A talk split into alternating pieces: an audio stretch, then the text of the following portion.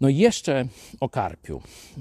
Za mojej młodości nikt o takich rzeczach nie mówił, a teraz wszyscy w różnych mediach, telewizjach, portalach mówią o karpiu nie? i o męczarniach karpia.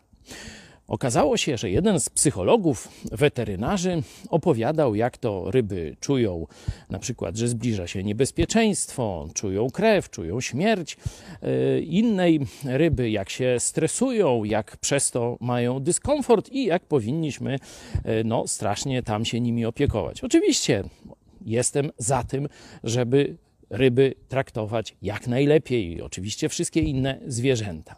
Ale zobaczcie, że ci sami ludzie, nawet nie chcą uznać faktu, że dziecko, które stara się za pomocą przyrządów do uśmiercania nienarodzonych dzieci wyciągnąć jak odkurzaczem z łona matki, też uciekają, też oddalają się od tego, też zapierają się rękami i nogami. Chcecie zobaczyć? Zobaczcie to na filmie Nieplanowane.